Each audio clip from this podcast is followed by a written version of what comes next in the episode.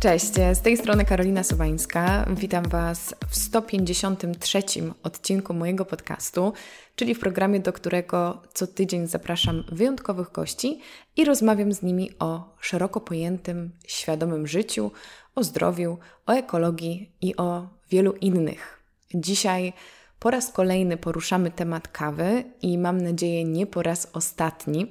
Ten odcinek jest w czołówce najdłuższych w historii, ale wiem, że jest wiele osób, które właśnie taką dłuższą formę lubią, więc może on zapoczątkuje taką serię nieco dłuższych rozmów. Gadało nam się świetnie, jak za chwilę posłuchacie, ponieważ kawa jest tematem rzeką, a Kuba pięknie o niej opowiada. Także moim gościem jest Kuba Świątek, wybitny, wspaniały barista, trener i założyciel kawiarni Typika. I z tej rozmowy dowiemy się, dowiecie się, dlaczego warto pić dobrą kawę. I co ciekawe, postaramy się, postaramy się, ja tak sobie przypisuję tutaj wiele zasług, ale Kuba postara się zdefiniować, czym w ogóle dobra kawa jest. Także dla wszystkich osób, którym zależy na tym, żeby w bardziej świadomy sposób podchodzić do kupowania czy picia kawy, wydaje mi się, że to będzie genialny odcinek, bo porozmawiamy o tym, jak kawa trafia do sklepu, do naszego kubka, skąd pochodzi od momentu plantacji poprzez cały ten proces transportu, palenia kawy i finalnie parzenia kawy. Także dowiemy się na przykład, co wpływa na to, że możemy powiedzieć, że dana kawa ma smak owocowy albo orzechowy.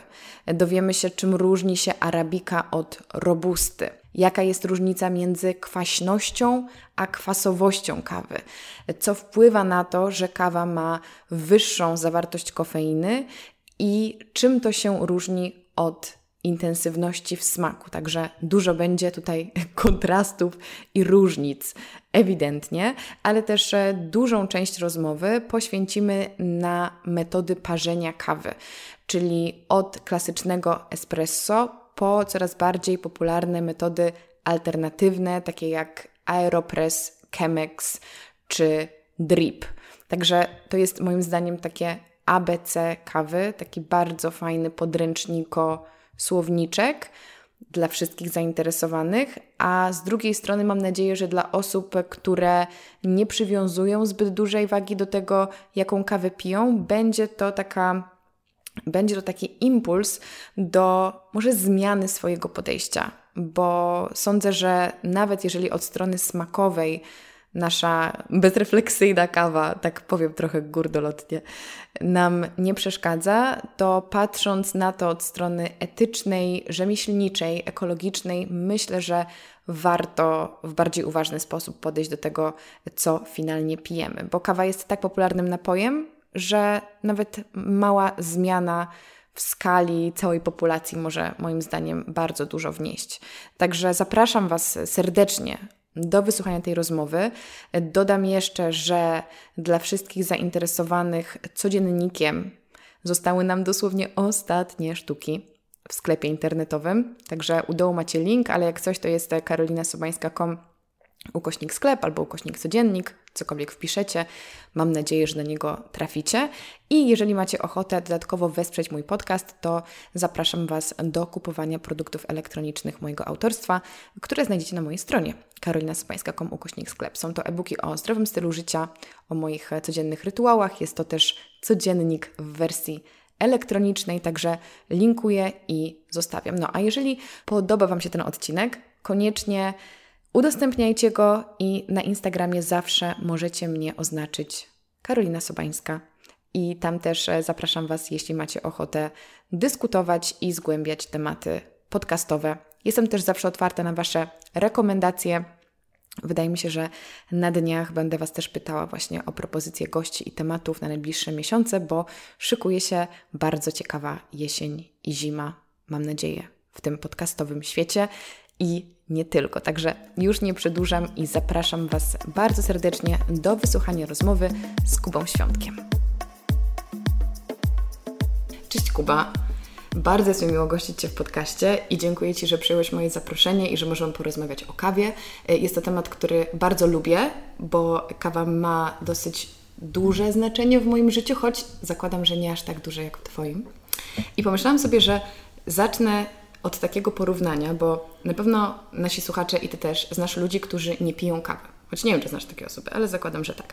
I wśród tych ludzi są tacy, którzy jej nie piją, bo jej nie lubią.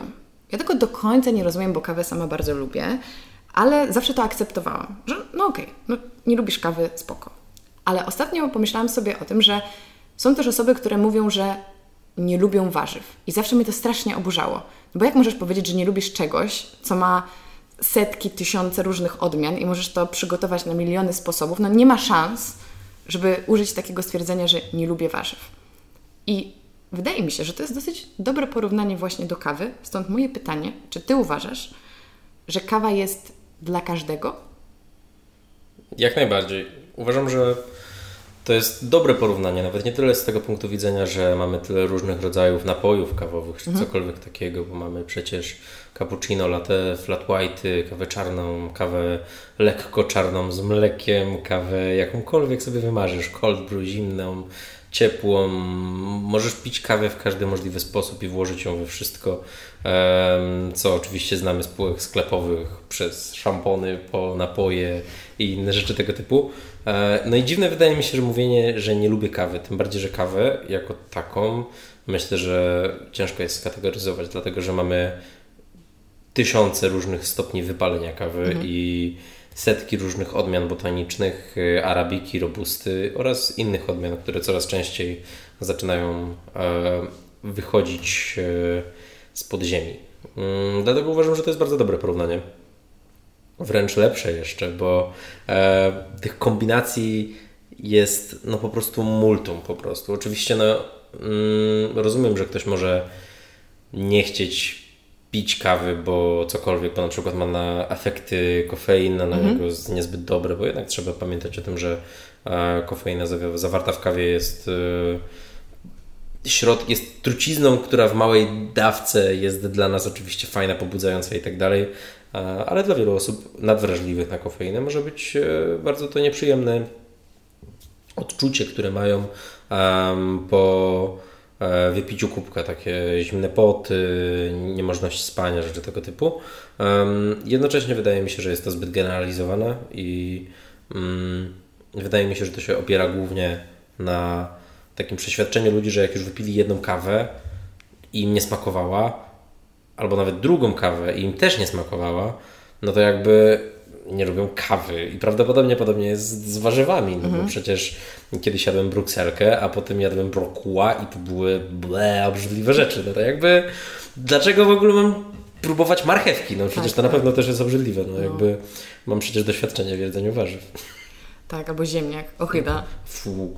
Ale powiedziałeś właśnie, że jest tyle różnych odmian, sposobów e, parzenia i różnych niuansów w procesie przygotowania napoju kawowego, że nie można tego generalizować, ale czy istnieją jakieś uniwersalne zasady, standardy związane z kawą? Czy w ogóle można mówić o czymś takim jak obiektywnie dobra kawa? To jest e, ciężkie pytanie, bo generalnie cały świat jest dość subiektywny mocno. E, wydaje mi się, że tak. I wydaje mi się, że warto do tego podchodzić po prostu w sposób. Wszyscy żyjemy trochę bardziej w takim. E, staramy się oczywiście żyć w takim bardziej wyidealizowanym, szczęśliwym, fajnym świecie, w którym są, nie wiem, mali farmerzy, mali plantatorzy ziemniaczków spod E, nie wiem, tam jakiejś wsi w województwie łódzkim, od których kupujemy sobie na e, Halimirowskiej pyszne warzywka i inne rzeczy tego typu. Um, I to jest ok, w sensie nie uważam, żeby nie było w tym cokolwiek złego. E, I w ten sposób można by było troszkę podejść do kawy. Uważam, że ta obiektywnie dobra kawa mm. to kawa, która jest, pochodzi z pewnych źródeł. Nie jest to kawa kupiona za 2 eurocenty albo jakieś inne malutkie części dolara w Brazylii od człowieka, który później nie jest w stanie kupić sobie butów albo e, czegoś do jedzenia. Uważam, że obiektywnie dobra kawa to ta kawa, która później przekazuje to, co zostało przez tego człowieka na plantacji e, włożone w proces hodowli. Czyli jak już mamy ładne wisienki i kupiliśmy tą kawę nawet trochę drożej, ale powiedzmy, że przecież pensja minimalna rośnie jak szalona w Polsce, e, więc stać nas. To dlaczego tą kawę wtedy rujnować ciemnym bardzo wypaleniem? Nie mówię tutaj oczywiście o tym, żebyśmy wszyscy pili, pili um, dripy V60, aeropressy, kemeksiki i inne rzeczy tego typu, tylko żebyśmy um, dali kawie smakować tak, jak ona powinna smakować. Dobrym porównaniem tutaj może być chleb. Mhm. Przecież nikt nie lubi spalonego chleba, takiego na węgiel po prostu. Na kawa, która możemy niestety kupić w większości e, marketów, w większości stacji benzynowych, na, w kawiarniach sieciowych również w dużej mierze. To kawa, którą jak sobie na nią spojrzymy, to oprócz standardowego wizerunku kawy widzimy takie połyskliwe olejki, które mhm. są e, pierwszym sygnałem ostrzegawczym dla nas, że coś chyba tam się stało nie tak, no bo przecież kawa jako taka e, rozpoczęła swoją przygodę jako wiśnia, mhm. a skończyła jako węgiel. jakiś oleisty węgiel. Jakby coś tu poszło generalnie nie tak. Kiedy idziemy sobie do jakiejś lokalnej, fajnej, niedużej palarni, um, to mamy zazwyczaj kawy, które mają taki cynamonowy kolor, troszkę ciemniejszy niż cynamonowy, wchodzący w jakąś czekoladę na przykład mleczną czy gorzką, ale nigdy nie przekraczający tego e, momentu, kiedy na kawie pojawiają się olejki. I na dobrą sprawę, jeżeli bym miał powiedzieć o tym, jaka jest obiektywnie dobra kawa, to myślę, że można to by było skasować moje poprzednie dwie minuty gadania i powiedzieć pochodząca z dobrego źródła i wypalona tak, żeby była smaczna. No właśnie, to od początku. Czym zatem jest dobre źródło? Bo wiele z nas przychodzi do sklepu, do supermarketu, widzimy cały przekrój kaw o, różnych cenach i pewnie no, zazwyczaj e, tym głównym czynnikiem przy decyzji jest właśnie ta cena. Nie wiem, mamy takie, będę używać tutaj marek, ale na przykład ja pamiętam z dzieciństwa, że kojarzyło mi się, że Lawazza to jest dobra kawa lub jakaś inna włoska kawa. Najlepiej to już e, kupiona z Mielona, bo wygodniej, więc to też możemy, do tego możemy nawiązać. Ale jak wybrać kawę w sklepie, żeby mieć pewność, że ona pochodzi z dobrego źródła? Co to znaczy? To jest e, dobre pytanie. Teraz pytanie, mm, mogę odpowiedzieć pytaniem na pytanie, chociaż teoretycznie się tego nie robi. Dlaczego wybierać kawę w sklepie? Mhm. Przecież kawa nie pochodzi ze sklepu. A markety mają oczywiście tą cudowną zdolność posiadania wszystkiego, co potrzebujemy w naszym życiu w jednym tak. miejscu, um, ale świadomy konsument, którym wydaje mi się, że coraz więcej osób chce być, e, woli chyba kupić warzywa na targu, mhm. na jakimś bazarku, gdziekolwiek. Jak e, kupuje ciuchy, to coraz rzadziej kupuje w sieciówkach, albo jeżeli już, to przynajmniej szuka jakichś takich trochę lepszych opcji, um, a nie kupuje ich w markecie. Więc y, czy market, czy sklep jest tym dobrym miejscem do poszukiwania kawy? Jeżeli tak, no to już coraz częściej można zauważyć, e, ten trend jest szczególnie widoczny na zachodzie, e, w Anglii, w Stanach Zjednoczonych. Jest widoczny trend, w którym w marketach jest mnóstwo kawy, która powiedzmy, że zaczyna podchodzić pod speciality coffee, pod single origin coffee, pod kawy pochodzące z jednego źródła, kawy jednorodne. To może być widoczne w różny sposób, ale coraz częściej w polskich marketach czy um, w innych miejscach zrzeszających produkty od wielu producentów um, możemy zobaczyć, że kawę mamy na przykład z Brazylii, z mhm. Etiopii, z Kolumbii, z Wietnamu, z innych miejsc tego typu.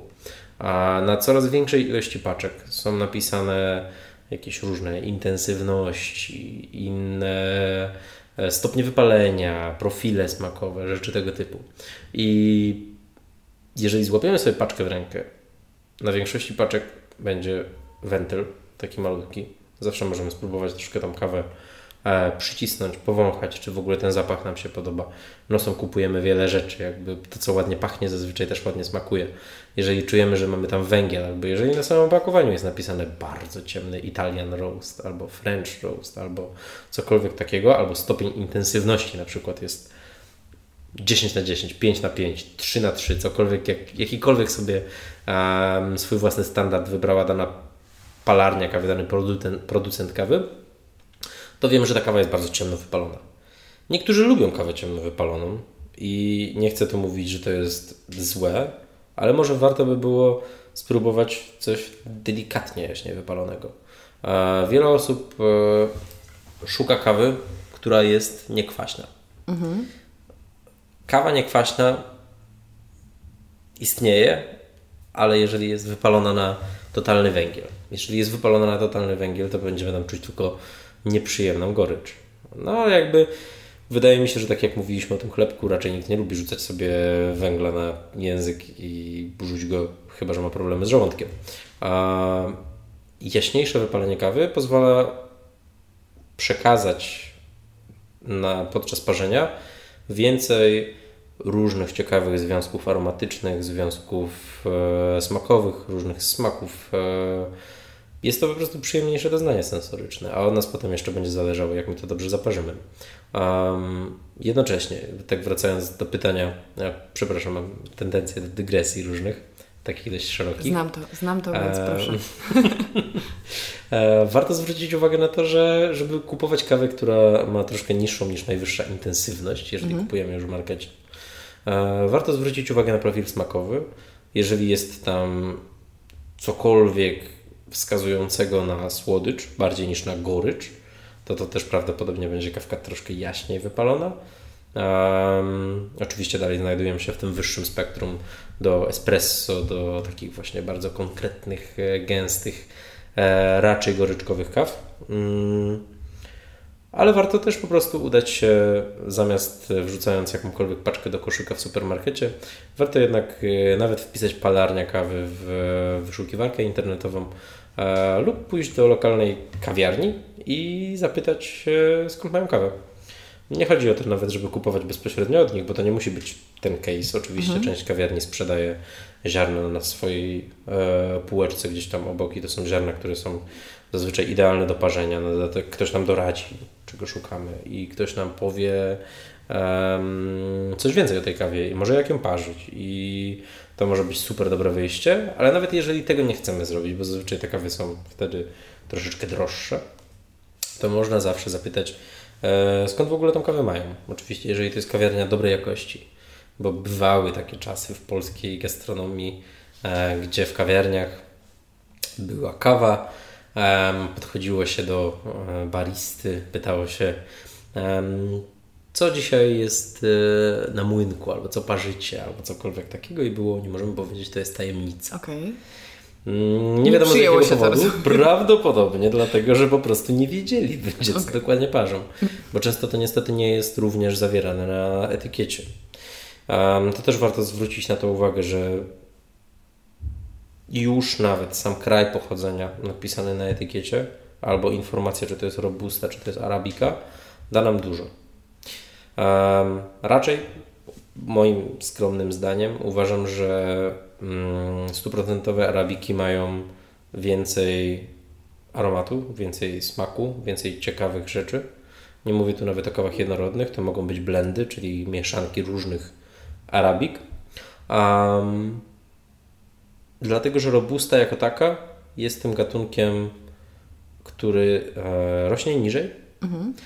przez co fizycznie, biologicznie botanicznie nawet, e, wytworzyła ona w sobie więcej kofeiny, która jest odstraszaczem dla wszelkiego rodzaju robactwa, mhm.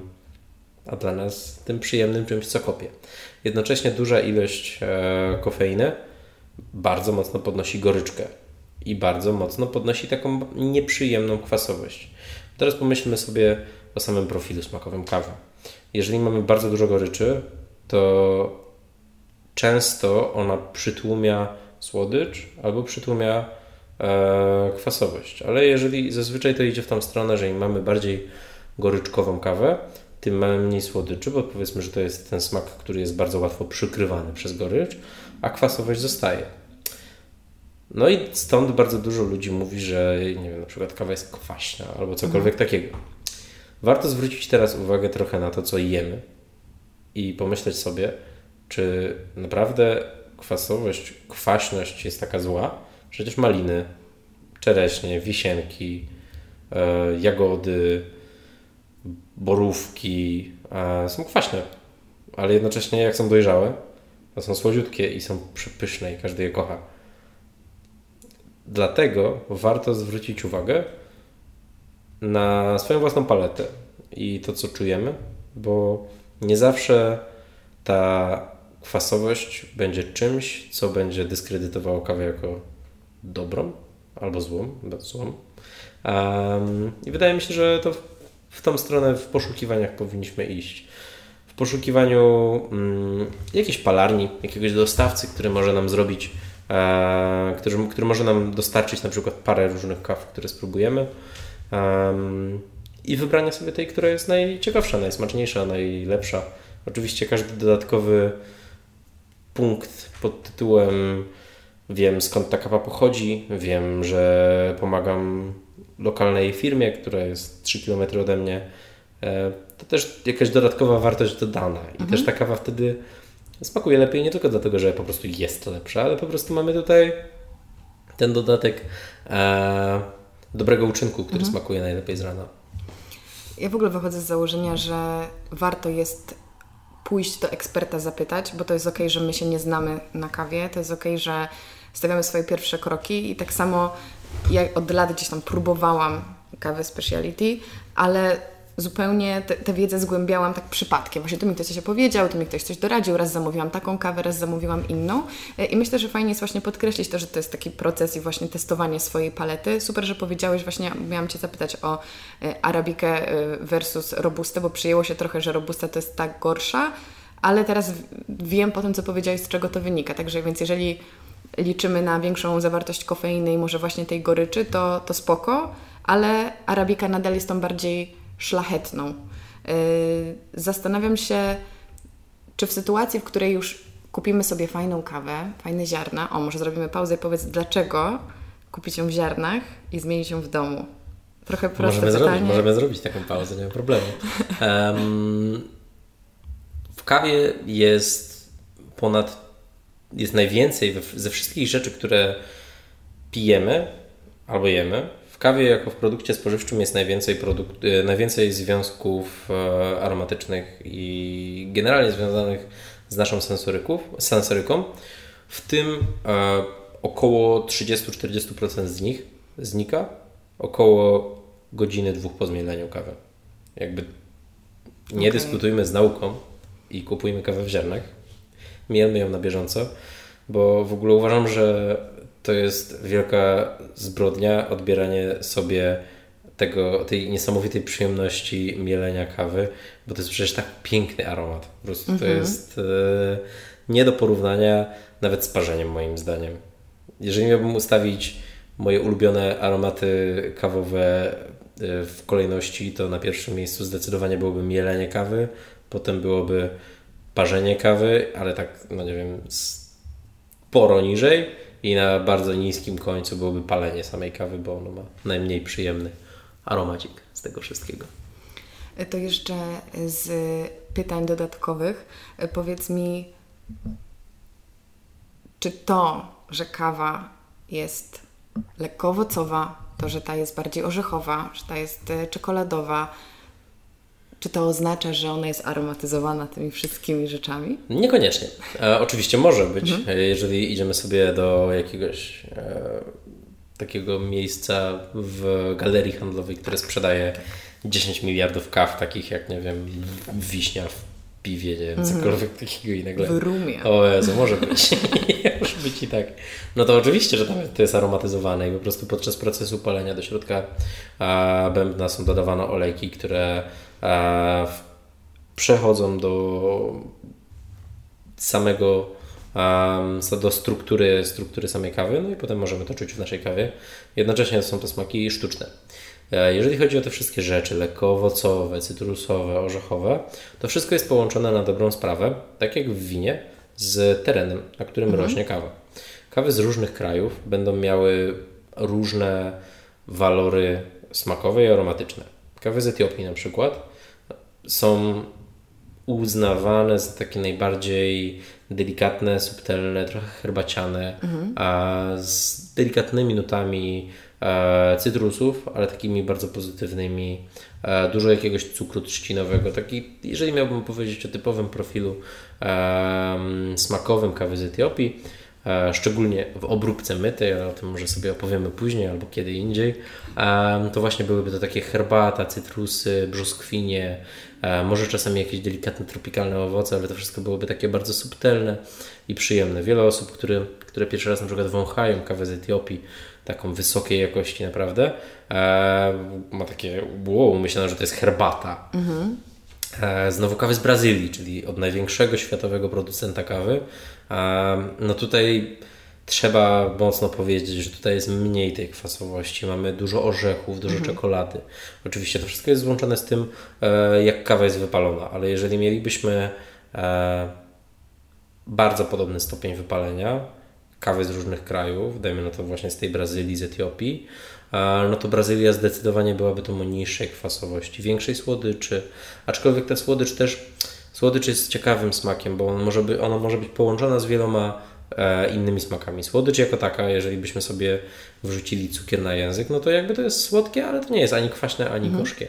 Jeżeli z drugiej strony weźmiemy sobie różne produkty spożywcze, to niektóre na przykład są słodkie, ale goryczkowe, jak czekolada, a niektóre są słodkie i kwaśne, tak jak na przykład maliny.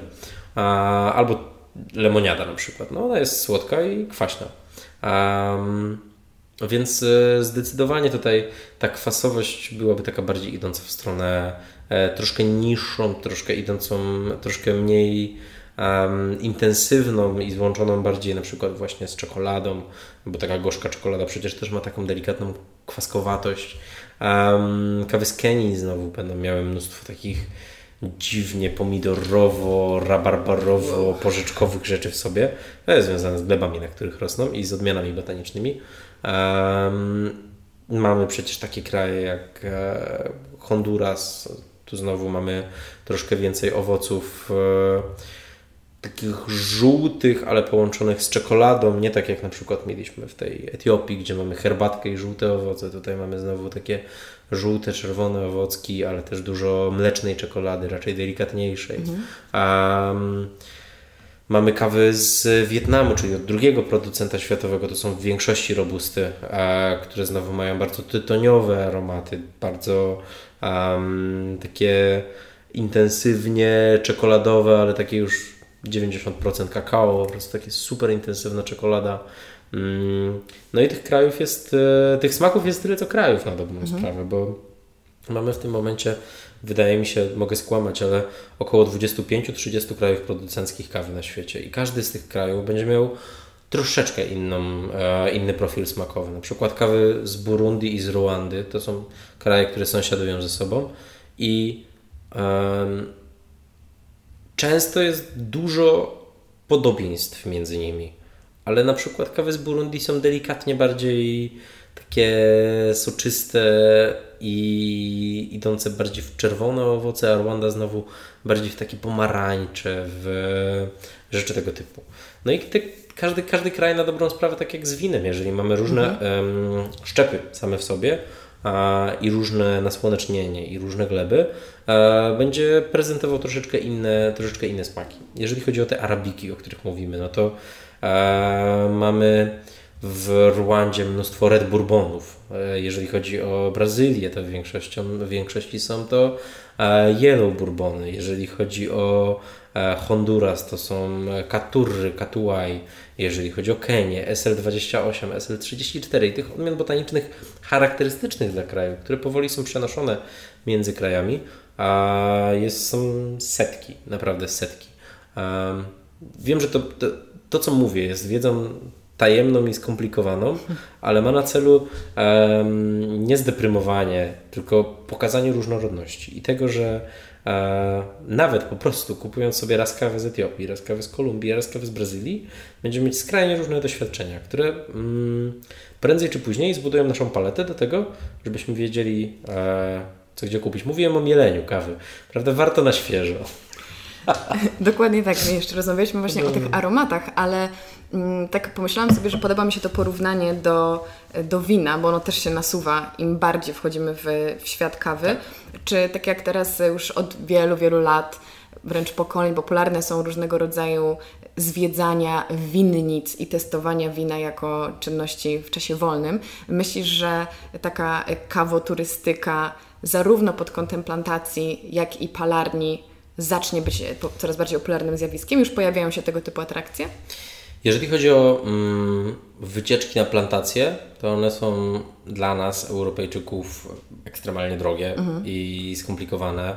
Też poza tym praca na plantacji jest. Yy, Zazwyczaj, jeżeli winnice oferują tego typu atrakcje, to są bardzo nieduże winnice mhm. i to są takie miejsca, które um, gdzieś tam robią to. Nawet, nawet w Polsce można iść na wycieczkę do winnicy i wyjść z niej po dwóch godzinkach mniej więcej. Jest bardzo miło i sympatycznie. Um, winnice są stosunkowo nisko położone mhm. dalej, e, gdzie na przykład plantacje kawy w Etiopii są położone na 2300 metrach. I to jest ten, to jest ten problem, że um, wizyta na plantacji zazwyczaj wiąże się z tym, wizyta na, wizyta na plantacji jest marzeniem bardzo wielu osób, mhm. ale jest takim marzeniem, które e, może mieć wiele różnych twarzy, bo z jednej strony um, super bokawa i w ogóle krzewy i to wszystko pięknie pachnie, pięknie wygląda, ale z drugiej strony um, trzeba pamiętać o tym, że większość krajów producenckich e, kawy to niestety kraje, które gospodarczo albo powiedzmy, nie chcę, nie chcę użyć tutaj stwierdzenia um, kraje trzeciego świata. Mhm. Użyłem je oczywiście, ale, um, uważam, uważam, że to jest, uważam, że to jest e, warte podkreślania, że są to kraje biedniejsze. Są to kraje, które w większości, a jeżeli nawet nie same kraje, to regiony, w których jest produkowana kawa, to są regiony biedniejsze. Są to poza tym regiony położone wysoko w górach, w krajach gorzej rozwiniętych. Często na przykład jedyną opcją na prąd jest agregat. Jest jedna toaleta, która jest wychodkiem za e, budynkiem mieszkalnym, w której są skorpiony. Mm. E, mało romantyczne. Winnica jest dużo bardziej tak sexy. A sama plantacja kawy, mm, ciężka praca rolnicza, mm, bardzo złożona, opryski. E, no nikt nie jeździ na plantację ziemniaków albo plantację jabłek do Grójca, żeby patrzeć jak to wygląda. Chciałbym, żeby tak było, bo na pewno to by pomogło ludziom na plantacjach mhm. i jest to niesamowicie ciekawe jako takie, bo przecież kawę potem trzeba mm, po zebraniu wiśni, trzeba mhm. ją przepuścić przez konkretne procesy do tego, żeby wysłać z niej pestka z tej wisienki. Trzeba je zdjąć z niej miąższ, trzeba ją wysuszyć odpowiednio, zapakować, wysłać. To wszystko jest bardzo ciekawe. Oczywiście te kawy są też oceniane na plantacjach. Później jak skończony jest już proces obróbki, kawa jest wysuszona, to przecież e, nie wysyła się ją za darmo, tylko wysyła się ją za pieniądze, a pieniądze płaci się za konkretną jakość. Um, dlatego uważam, że to jest ciekawe. Jednocześnie jest to bardzo trudne. Wiem na pewno, że na Kanarach e, pierwsza europejska plantacja kawy e, jest e, i można ją zwiedzać. E, oczywiście europejska tylko politycznie, tak, nie formalnie. geograficznie, formalnie. Aczkolwiek jest to ciekawostka. Kalifornia, tak samo. Już mamy pierwsze plantacje kawy kalifornijskie, które również na pewno będą bardziej proturystyczne, mhm. no bo mhm. wiadomo, że są to regiony bardziej proturystyczne. Tak. Chiny coraz bardziej przodują i coraz większe zbiory mają na swoich plantacjach. Tam też myślę, że to paradoksalnie będzie mocniej turystycznie rozpropagowywane niż na przykład w Etiopii albo w Kenii, gdzie jest po prostu straszna bieda. Um, a jeżeli chodzi o turystykę kawową pod tytułem palarnie i mhm. kawiarnie, mhm. to wydaje mi się, że to mocno już działa, mhm. tak. E, szczególnie jak pracowałem jeszcze za barami w kawiarniach, no to przychodziło mnóstwo ludzi, którzy właśnie szukali, szczególnie w okresie wakacyjnym, fajnego miejsca z dobrą kawą speciality, albo na przykład na stronie European Coffee Trip um, znajdowali rekomendacje i chodzili sobie po uh, danych kawiarniach. Ja myślę, że taka turystyka rozumiana jako wycieczka do, na plantację rzeczywiście może być mało realna, ale tak jak powiedziałeś, to może też być e, z korzyścią dla świadomości społeczeństwa pod kątem tego, że warto zwrócić uwagę skąd jest ta kawa i że jeżeli ona kosztuje w sklepie 5 zł, to coś tutaj poszło nie tak i zastanówmy się, ile z tego dostał plantator. To może się wydawać wielu osobom oczywiste, ale myślę, że to nadal jest bardzo nieoczywiste i nie myślimy o tym dokonując, e, dokonując zakupu. Natomiast ciekawi mnie, jeszcze byś mógł w skrócie opowiedzieć nam, jak kawa z tej y, plantacji trafia do palarni. Czy to jest skomplikowany proces? Bo zakładam, że to jest drugi taki najważniejszy ośrodek i potem już trzecim jest, jest kawiarnia na przykład albo sklep. No, w skrócie to może być ciężko. Próbujemy. Gadam strasznie dużo, ale mm, postaram się. Sam proces y, od, palar, od plantacji do palarni nie jest taki prosty, jakby mhm. się wydawało. Praktycznie żadna, żadna palarnia w Polsce, o ile nie żadna palarnia w Polsce, mówiąc oczywiście o palarniach rzemieślniczych, nie bierze kawy bezpośrednio z plantacji. Okay. Jest to obwarowane wieloma problemami natury prawnej, natury e, logistycznej również. Dlatego w większości ogromnej Sprowadzaniem kawy zajmują się eksporterzy, zajmują się importerzy na dobrą sprawę, którzy mają swoich eksporterów w krajach producenckich. Osoba eksportująca kawę, zazwyczaj to są filie firm będących gdzieś w Europie, które mm, są otwierane w krajach e, producenckich, a jeździ po plantacjach, próbuje kawy, buduje portfolio, to potem sample, próbki są wysyłane dalej do um, Europy, do siedziby firmy, a z siedziby firmy próbki są wysyłane do wszystkich palarni, z którymi dana firma współpracuje. Dajmy na to taki Nordic Approach, czyli jeden z takich bardziej znanych importerów a, znajdujących się w Oslo, ma swoje biura w większości krajów producenckich. E, no powiedzmy może nie w większości, ale na pewno w 10 krajach producenckich na świecie. Z tych krajów bierze tylko kawy, bo oczywiście jakby na tej zasadzie można powiedzieć, że to jest bliskie e, pewnemu direct trade'owi, mhm. a raczej można by było tutaj użyć takiego sformułowania jak direct relationship,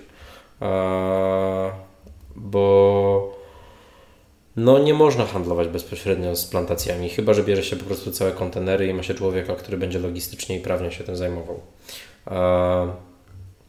Palarnie próbują, bukują sobie konkretne, rezerwują sobie konkretne ilości kawy u importera. Importer zielona zielonego potem wysyła im to na paletach.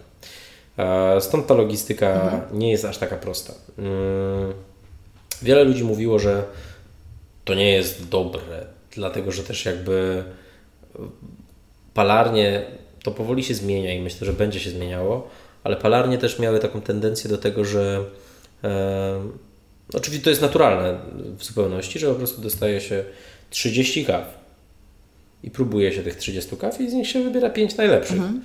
No przecież każdy chce mieć najlepsze kawy w swojej palarni. Jednocześnie mało ludzi patrzyło na to de facto skąd jest ta kawa, ile dostaje plantator i tak dalej, i tak dalej.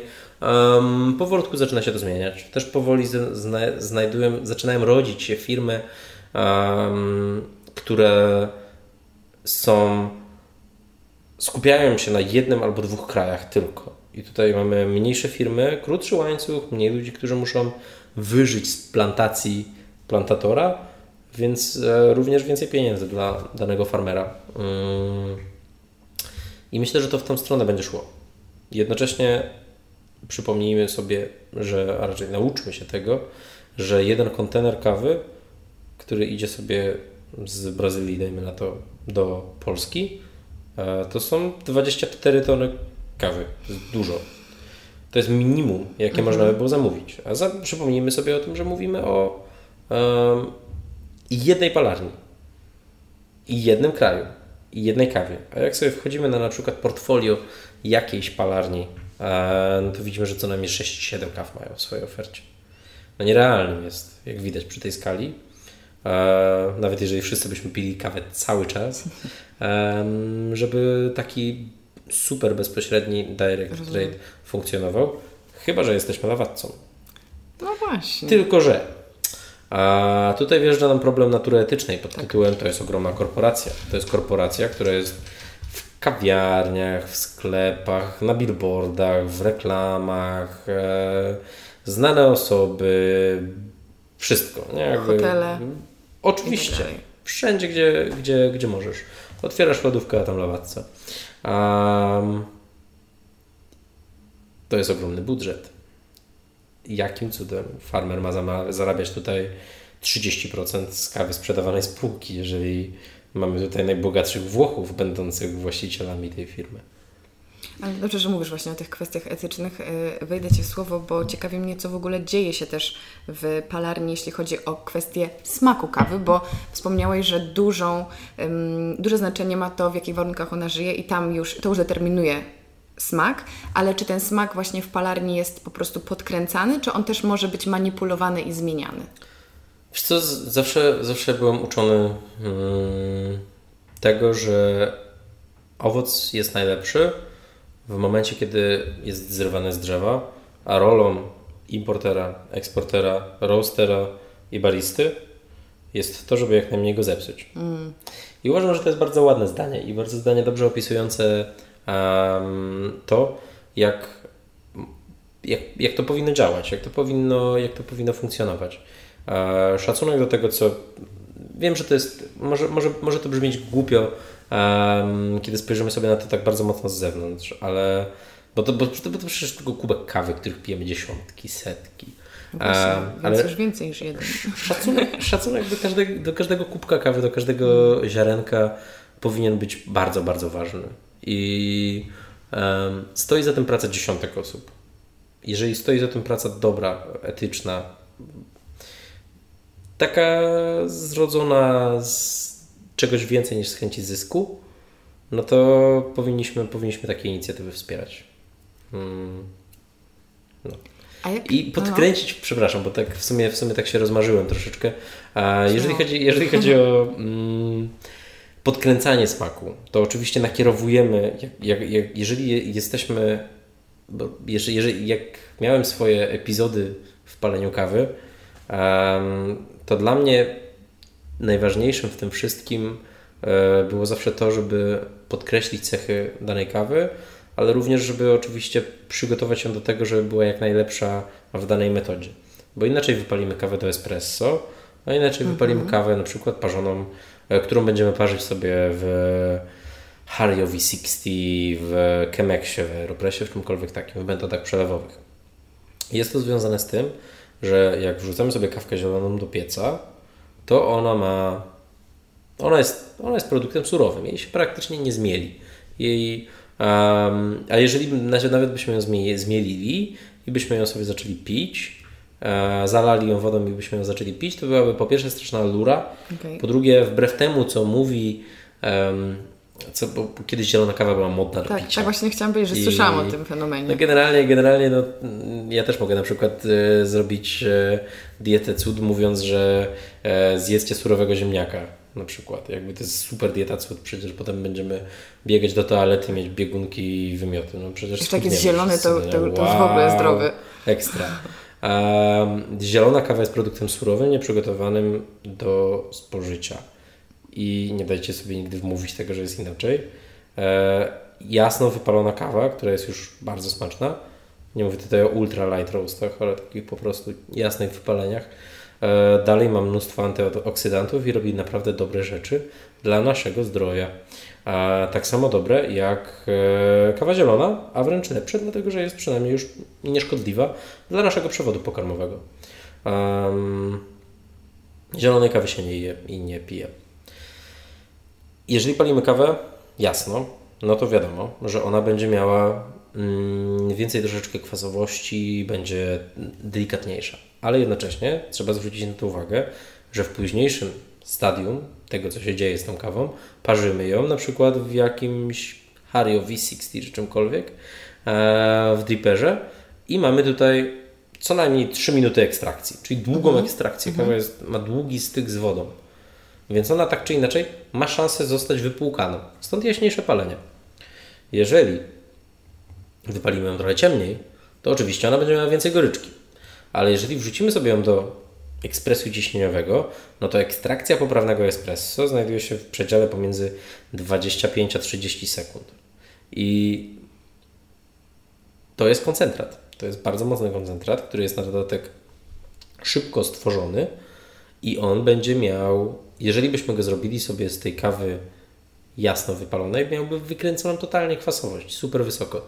Jednocześnie, jeżeli z tej samej kawy zrobilibyśmy sobie tej do espresso, zrobilibyśmy sobie um, dripa, no to będziemy mieć kawę, która będzie gorzka, po prostu. Mhm. Bardzo gorzka, bardzo nieprzyjemna. Więc to jest kwestia tego, że na dobrą sprawę wypalenie kawy i parzenie kawy są bardzo mocno powiązane ze sobą. Ciemniejsze kawy zawsze powin- będą smaczniejsze przy krótszych ekstrakcjach, przy delikatniejszym potraktowaniu, paradoksalnie. Um, jaśniejsze kawy znowu no, powinny być jak najintensywniej, na przykład jak najdłużej, to może też nie, nie chcę tutaj, to jest zbyt złożony temat, żeby mhm. po prostu sobie tak raz o tym powiedzieć. Um, Pięć głównych zasad, podpunktów i wszyscy już umieją robić kawę. A, to, no dokładnie tak. E, zobacz jak. Tak. Oszukał branży speciality coffee. Um, no nie. E, więc e, im mocniej ją potraktujemy, im dłużej ją przetrzymamy z wodą, jeżeli na przykład zaparzymy sobie ją na 4 minutki, a zmielimy ją dość drobno, oczywiście grubiej niż do espresso, ale dość drobno, to będziemy mieć super dobry, smaczny, pełny, dobry napar. No. Więc y, podkręcanie za pomocą palenia kawy, oczywiście można to tak nazwać. Celniejszym byłoby to na pewno profilowanie kawy y, tak, żeby smakowała w konkretnym zastosowaniu. Mhm. Wydobywanie umiejętne. Tak. No właśnie, płynnie przeszedłeś do tematu parzenia kawy, co też jest jakimś tematem rzeką I, i tak jak sobie myślałam o naszej rozmowie, to że my tak po prostu omówimy to i to będzie takie wszystko jasne, ale to tak chyba niestety nie działa. Ale z tego co wiem, możemy powiedzieć o takich tradycyjnych, klasycznych, nie wiem, starszych metodach y, parzenia kawy i o tych bardziej nowoczesnych, alternatywnych. Choć absolutnie nie wiem, czy ta terminologia jest dobra. Y, wydaje mi się, że te, te tradycyjne, te klasyczne to będzie ekspres ciśnieniowy. Czy to, czy to prawda? I to jest już wszystko, jeżeli o. chodzi o te klasyczne, na okay. dobrą sprawę.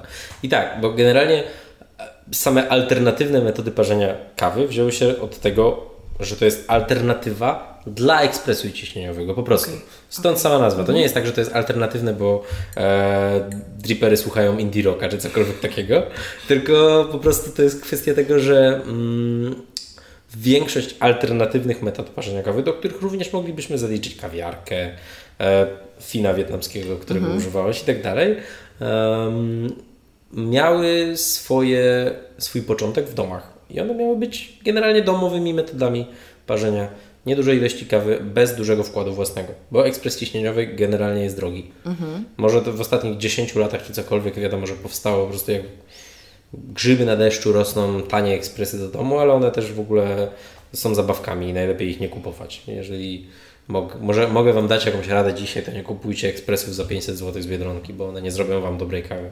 Ani gęstej, ani smacznej. Już wtedy lepiej robić sobie dripy w domu i odkładać sobie pieniądze na jakiś ekspres za nie kosmiczne pieniądze, bo już za nawet półtora tysiąca złotych da się robić pyszne espresso w domu w taki sposób naprawdę półprofesjonalny powiedzmy. Ale czy, ale czy to, że powstaje tyle metod alternatywnych oznacza, że metoda ciśnieniowa powoli się kończy, czy absolutnie nie, to równolegle funkcjonuje? Absolutnie nie, dlatego że mm, to są różne rzeczy po prostu. Mhm. Wszyscy prześcigają się i to tak naprawdę bardzo mocno nad tym, żeby stworzyć coś, co w domu tanim kosztem będzie robiło espresso. Bo espresso jest boskie do tego, żeby połączyć je z mlekiem owsianym i mieć tak. swojego cudownego flat white'a albo cappuccinko i w ogóle ochy i jachy. Mhm nie zrobisz tego przez dripper albo przez Chemex. No nie zrobisz tego po prostu, bo to jest inna koncentracja naparu. Wiadomo, można to próbować robić z aeropresu, można to mhm. próbować robić z kawiarki, ale to wszystko są próby. To okay. wszystko nawet nie znajduje się blisko koncentracji, którą uzyskujemy dzięki dobremu ekspresowi ciśnieniowemu.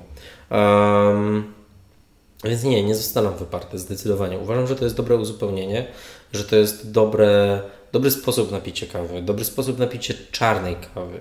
Jeżeli chodzi o kawę z mhm. mlekiem, to tutaj na dobrą sprawę jesteśmy trochę skazani na to, żeby jednak e, pić kawę na przykład z kawiarki, kawiareczka z mlekiem, o pyszne, no. Aeropress taki mocno skoncentrowany z mleczkiem, tak samo.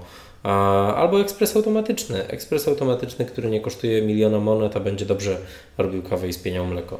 Um, wiadomo, że to są wszystko koszty, które się jednocześnie oczywiście zwracają, ale um, no moim zdaniem, jeżeli chodzi o kawę z mlekiem, to tylko łączona z espresso, z jakimiś bardziej skoncentrowanymi naparami, a jeżeli chodzi o kawy czarne, no to espresso samo w sobie też jest unikalne. Mhm. To jest super skoncentrowany, malutki szocik, bierzemy sobie, jest to takie rytualne wręcz, jakby to jest coś zupełnie innego. Siedzenie sobie nad kubkiem kawy, a siedzenie sobie nad filiżanką przez minutkę, pik i lecimy dalej. Uważam, że no, espresso przy barze to jest e, piękny zwyczaj, który no jakby w e, Europie jako takiej nie za bardzo się sprawdza, bo mhm. po prostu za mało w, w Polsce jako takiej nie za bardzo się sprawdza, bo mało osób korzysta z tego ale no we Włoszech gdzieś tam kulturowo po prostu to urosło do tego, że gdzieś tam można sobie zamówić espresso, które po prostu bierze się od razu praktycznie po zapłaceniu, wali się szota szybciutko i jazda do pracy, czy cokolwiek takiego. Jest, to, jest to inny rytuał zupełnie. Też espresso w domu jest e, trochę, trochę mrzonką, dlatego że to wymaga strasznie dużo jakby zrozumienia, czytania, żeby to zrobić tak jak w kawiarni. E, nakładu finansowego tak samo. E, dobrego ziarna, dobrego młynka, szeregu różnych rzeczy. E, kupujemy sobie za 12-13 zł jakiś podstawowy dripper, E, kupujemy sobie nawet zmieloną kawę w kawiarni, aczkolwiek no wiadomo, że lepiej już kupić wtedy młynek za dwie stówki mhm. i kawę i poniżej, nie wiem, 300 zł z palcem w nosie można robić sobie kawę, która nie będzie wcale dużo odstawała do tego, co możemy dostać w kawiarni, um, zamawiając sobie e, dripa V60, Chemex, Aeropress, cokolwiek takiego. W ogóle ta kawa, właśnie to espresso przy barze jest dla mnie takie filmowe. To jest takie Bardzo. zjawisko, które, którego ja nie praktykuję, ale mo może kiedyś będę tą osobą, która wbija na szybkie espresso, kto wie. Ale w ogóle słyszałam, że jeżeli lubimy kawę z mlekiem, to warto sięgać raczej po Brazylię. Czy to prawda? Że właśnie te orzechowo-czekoladowe klimaty najlepiej się łączą? Bo tak mi zawsze doradzano. Mm. Nie. Powiem to głośno. Powiedz, w sensie, to ja zależy. Uważam, ja uważam, że to jest niepopularna opinia troszkę na pewno to, co powiem. Oczywiście większość osób mleczko, brazylka, mhm. no creme de la creme, no, nie? no mleczna czekolada, orzeszki, pyszne. Z mhm. drugiej strony, kto nie lubi jogurtu jagodowego? No każdy lubi jogurt jagodowy. A jak masz na przykład taką Etiopię, obróbki naturalnej i zrobisz z tego pyszne espresso i zrobisz na tym flat white'a, to po prostu już nigdy więcej nie spróbujesz żadnej innej kawy. Jak startowałem na Mistrzostwach Polski Barista, no to musiałem zrobić dużo kaw w krótkim czasie. Mm, jedną z kategorii jest espresso, drugą z kategorii jest napój mleczny, trzecią z kategorii jest e, drink dowolny bezalkoholowy na bazie tej kawy, który ma mhm. podkreślić jej zalety wszystkie. To był taki powiedzmy, może, może nie pierwszy, bo już wcześniej lubiłem sobie pić kawę z mlekiem, ale um, zdecydowanie przygotowania do Mistrzostw e, Polski Barista, moje pierwsze, to był taki moment, w którym naprawdę stwierdziłem, że kawa z mlekiem, kawa inna niż Brazylia z mlekiem, to jest po prostu kosmos. Może być naprawdę cudowne. I warto, warto próbować. Jakby zamykanie się na jedną rzecz bo ktoś mówi, że to jest najlepsze, no wiadomo, że no może być spoko, no, nie? no bo Bezpieczne. znajdujemy swój comfort zone dokładnie i po prostu sobie siedzimy w nim, jest nam dobrze, pijemy sobie wino z Kalifornii albo na przykład e, nowozelandzkie Sauvignon Blanc całe życie i będziemy się nudzić, a 80 km dalej od Warszawy mamy winnicę, która robi takie winka, że po prostu to jest jakiś kosmos i e, każde nowozelandzkie Sauvignon Blanc się chowa. Um, i tak w taki płynny sposób mówię o tym, że warto po prostu czasem spróbować coś mhm, innego, mhm. bo nawet blendując sobie kawę i na przykład mając 50% Brazylii, 50% Etiopii obróbki naturalnej, a wiele polskich palarni ma w swojej ofercie tego typu blendy. Ludzi jogurt z jagodami i z orzechami. Trochę tak, no how cool is that? Z kruszonką. I nagle, I nagle mamy trochę słodszą kawę, trochę delikatniejszą, trochę bardziej subtelną, może właśnie z jakimiś takimi delikatnymi nutkami owocowymi. Um, no a kto nie lubi owoców, no. A gdzie w Warszawie wypijemy taką dobrą właśnie yy, niecodzienną mieszankę owoców z mlekiem? Ach, no to, to jest ten moment, gdzie mam reklamować swoją kawiarnię? Dawaj. O oh, jest. E, różne kawiarnie, nie, tak całkiem serio to różne kawiarnie mają różne systemy na to. A większość kawiarni, uważam, że niestety, powiem to, to głośno, niestety ma taki mm, system, że ma młynek pod espresso do kaw mlecznych mhm. i młynek pod espresso do kaw e, tak. niemlecznych, do, e, dla klientów bardziej wymagających czy cokolwiek takiego. Młynek pod szoty, okay. e, który funkcjonuje na, dobre, na dobrą sprawę tak, że przychodzi e, pięć osób dziennie i pyta, co masz na młynku, a barista, e, hipster odpowiada a Etiopię mordo, super, super dobra. A, no i co? No i tak sobie, tak sobie pewnie by to funkcjonowało. Jednocześnie uważam, że to jest błędne, bo na tej kawie, na tej Etiopii, jeżeli oczywiście jest poprawnie zaparzona, a z tym jest mm. trudniej, bo tego typu kawy, takie właśnie owocowe, kwiatowe, delikatne, trzeba traktować dużo mm, bardziej umiejętnie niż na przykład taką Brazylię, którą generalnie wrzucamy i cokolwiek nam nie wyleci z tego ekspresu, to będzie takie, okej, okay, będzie czekoladowe wiesz, bardziej. Inaczej mniej. traktujemy świeże kwiaty, a inaczej traktujemy, albo owoce, a inaczej traktujemy orzechy, więc ma to Oczywiście, sens. że tak. Można by było to bardzo, bardzo ładne porównanie. Um, i e, ja uważam, że najlepszą opcją jest to, co robię ja w swojej kawiarni, bo dlaczego, dlaczego by tak nie uważać? To jest też nieskromne, ale. ale Każdy tak akurat... uważać, to byłoby dobrze, gdyby wszyscy tak mogli się pod tym podpisać w swoim tak. imieniu. Tak. Może tak, ale e, no nie wiem, to, to jest akurat coś, o czym trochę marzyłem i mhm. chciałem to zrobić. I my działamy na takiej zasadzie, mm, że co mniej więcej 3-4 kilo zmieniamy kawę do espresso. Nie mamy Brazylii pod mleko i czegoś fancy, tylko generalnie każda z naszych kaw jest e, fancy, którą używamy. A no nie wiem, w tym momencie na przykład mamy Gwatemalę, zaraz będzie wjeżdżało Kongo, potem mm. będzie wjeżdżała kawa z Etiopii, potem będzie wjeżdżała kawa z... Było, były, były już z Kenii, z Peru, z Kolumbii, z Brazylii też coś było, z Burundi, z Rwandy, z Tanzanii i każda z tych kaw dała się tak ustawić, żeby była pyszna również w mleku. Oczywiście to było okupione trochę dłuższym procesem ustawiania, mhm. jakąś frustracją czasem, bo to nie są proste kawy, ale efekty tacy.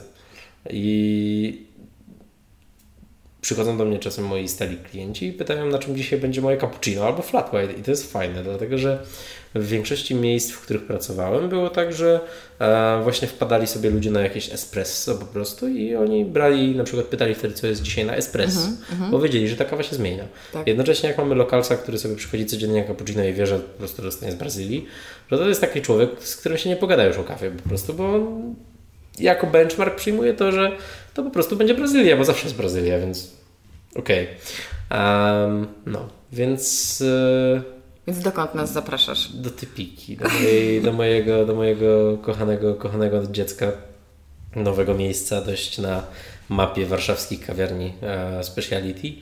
E, przy metrze e, Daszyńskiego, mm, na ulicy Kolejowej. Zapraszam serdecznie. Jest miło. Zapraszamy, mm. linkujemy. Już teraz wiemy, że Dzięki. na espresso najlepiej jednak wyjść, jeżeli chcemy, żeby ono było zrobione tak top top. Tak uważam. Ale właśnie przez to w ogóle jest super, bo ja nie wiedziałam o tym, że metody alternatywne powstały do domu, więc e, spośród tych metod możemy sobie wybierać w zależności od naszych preferencji omówisz, um, już nie będę używać pokrótce, omówi, omówi, omówisz tak trochę, um, o co chodzi w tych metodach, bo ich jest tak dużo i też rzucałeś różnymi terminami. Myślę, że jak ktoś nie, nie, nie spotkał się z nimi wcześniej, to może być przytłoczony ilością jakichś dziwnych liczb i liter. E, więc nie. E, co tam mamy do wyboru? No dobra. I jak to mniej więcej Powiedzieliśmy smakuje? sobie o ekspresie ciśnieniowym. Tak. Duże pudło z taką śmieszną kolbą, do której tak. nasypujemy najdrobniej zmienioną kawę i robimy sobie z tego bardzo skoncentrowane espresso. E, mówię o nim, o ekspresie ciśnieniowym i espresso, dlatego że powiedzmy, że to będzie nasza um, nasze wyjście, nasza najbardziej skoncentrowana kawa, jaką jesteśmy w stanie zrobić. E, bardzo wysoka koncentracja to jest bardzo duża gęstość. Koncentrat pomidorowy, dajmy na to, jak mamy. Bierzemy sobie na język, jest on kwaśny, intensywny i tak dalej. Jak sobie go dodamy do rosołku, to nagle robi nam się pyszna niedzielna pomidorowa.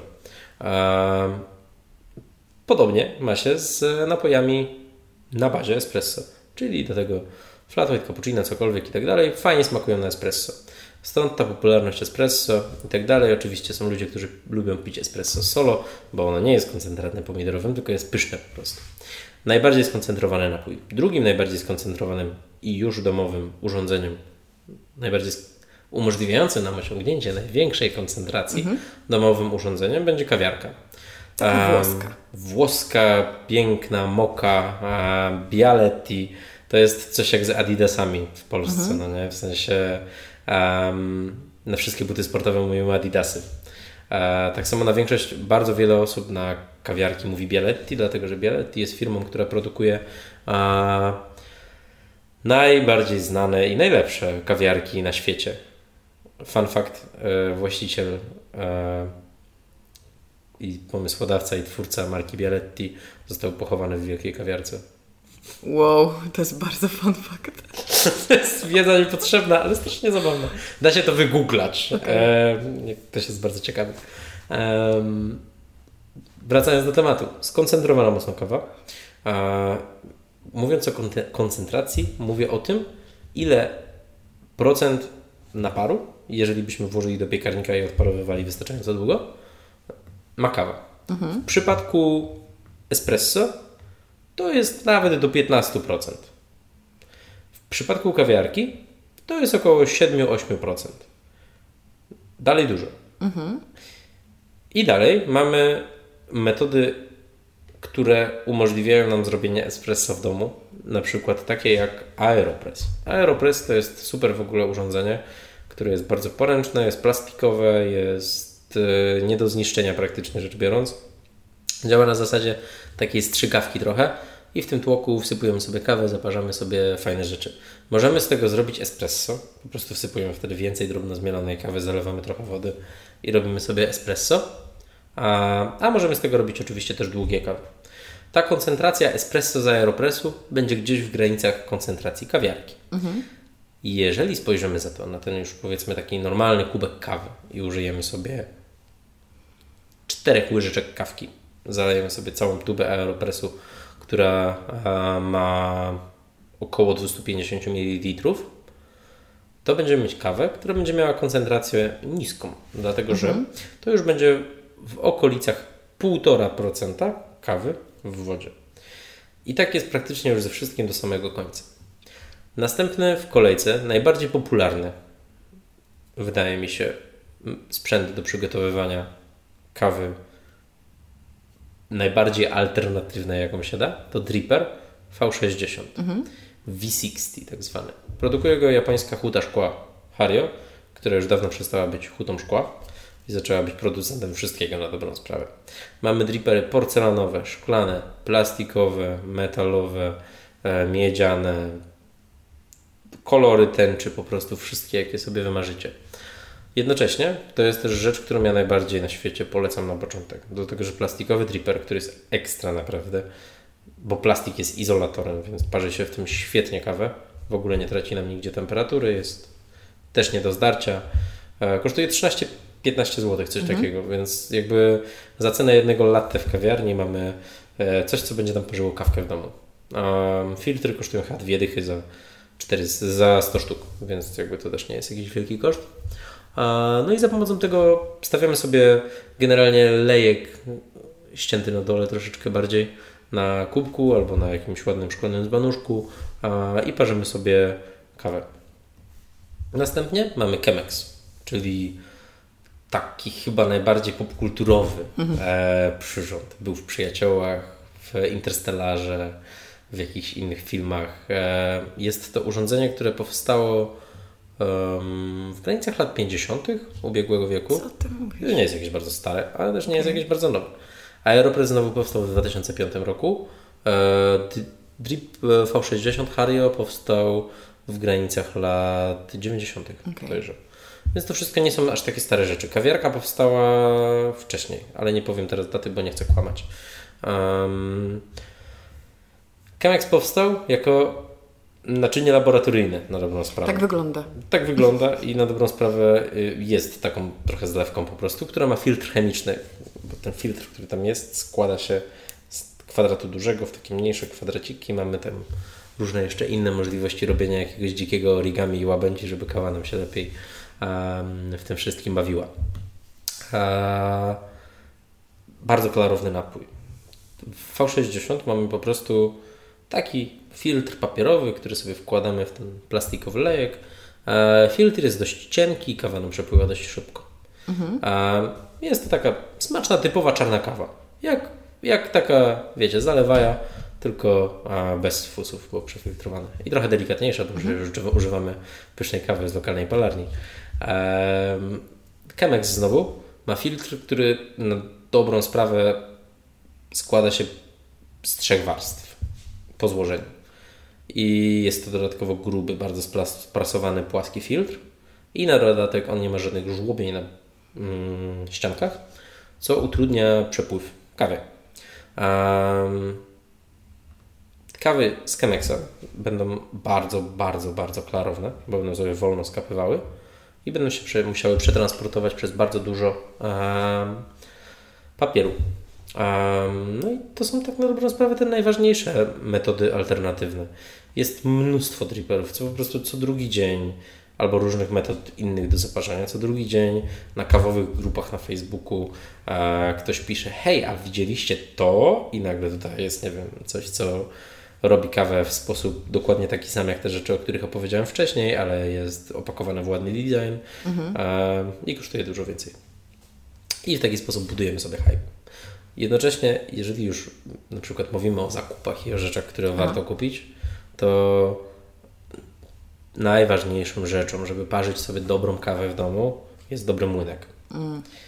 E, jeżeli macie młynek e, ostrzowy, czyli taki, do którego od góry sypuje się kawkę, a potem wciska się przycisk, to robi dźwięk jak e, zamordowany odkurzacz i to no, generalnie to nie zrobi nic dobrego waszej kawie. Jest taki blender dlatego, Tak, dlatego, że ostrza na środku bardzo szybko sobie się kręcą, a im dalej na zewnątrz, tym wolniej się kręcą, no bo wiadomo, że um, fizyka, fizyka i na samym brzegu w ogóle nie ma tych e, tnących ostrzy.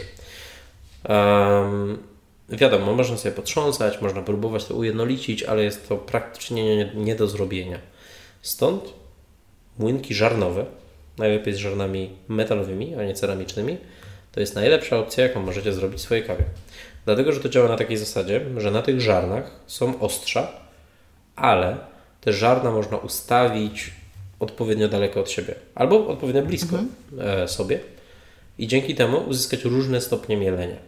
Um, młynki żarnowe to nie jest jakiś kosmiczny pieniądz. Oczywiście można kupić taki za 15 tysięcy złotych. E, kto bogatemu zabroni? Polecamy. Na stacji. Pierwsza kawa. Jasne.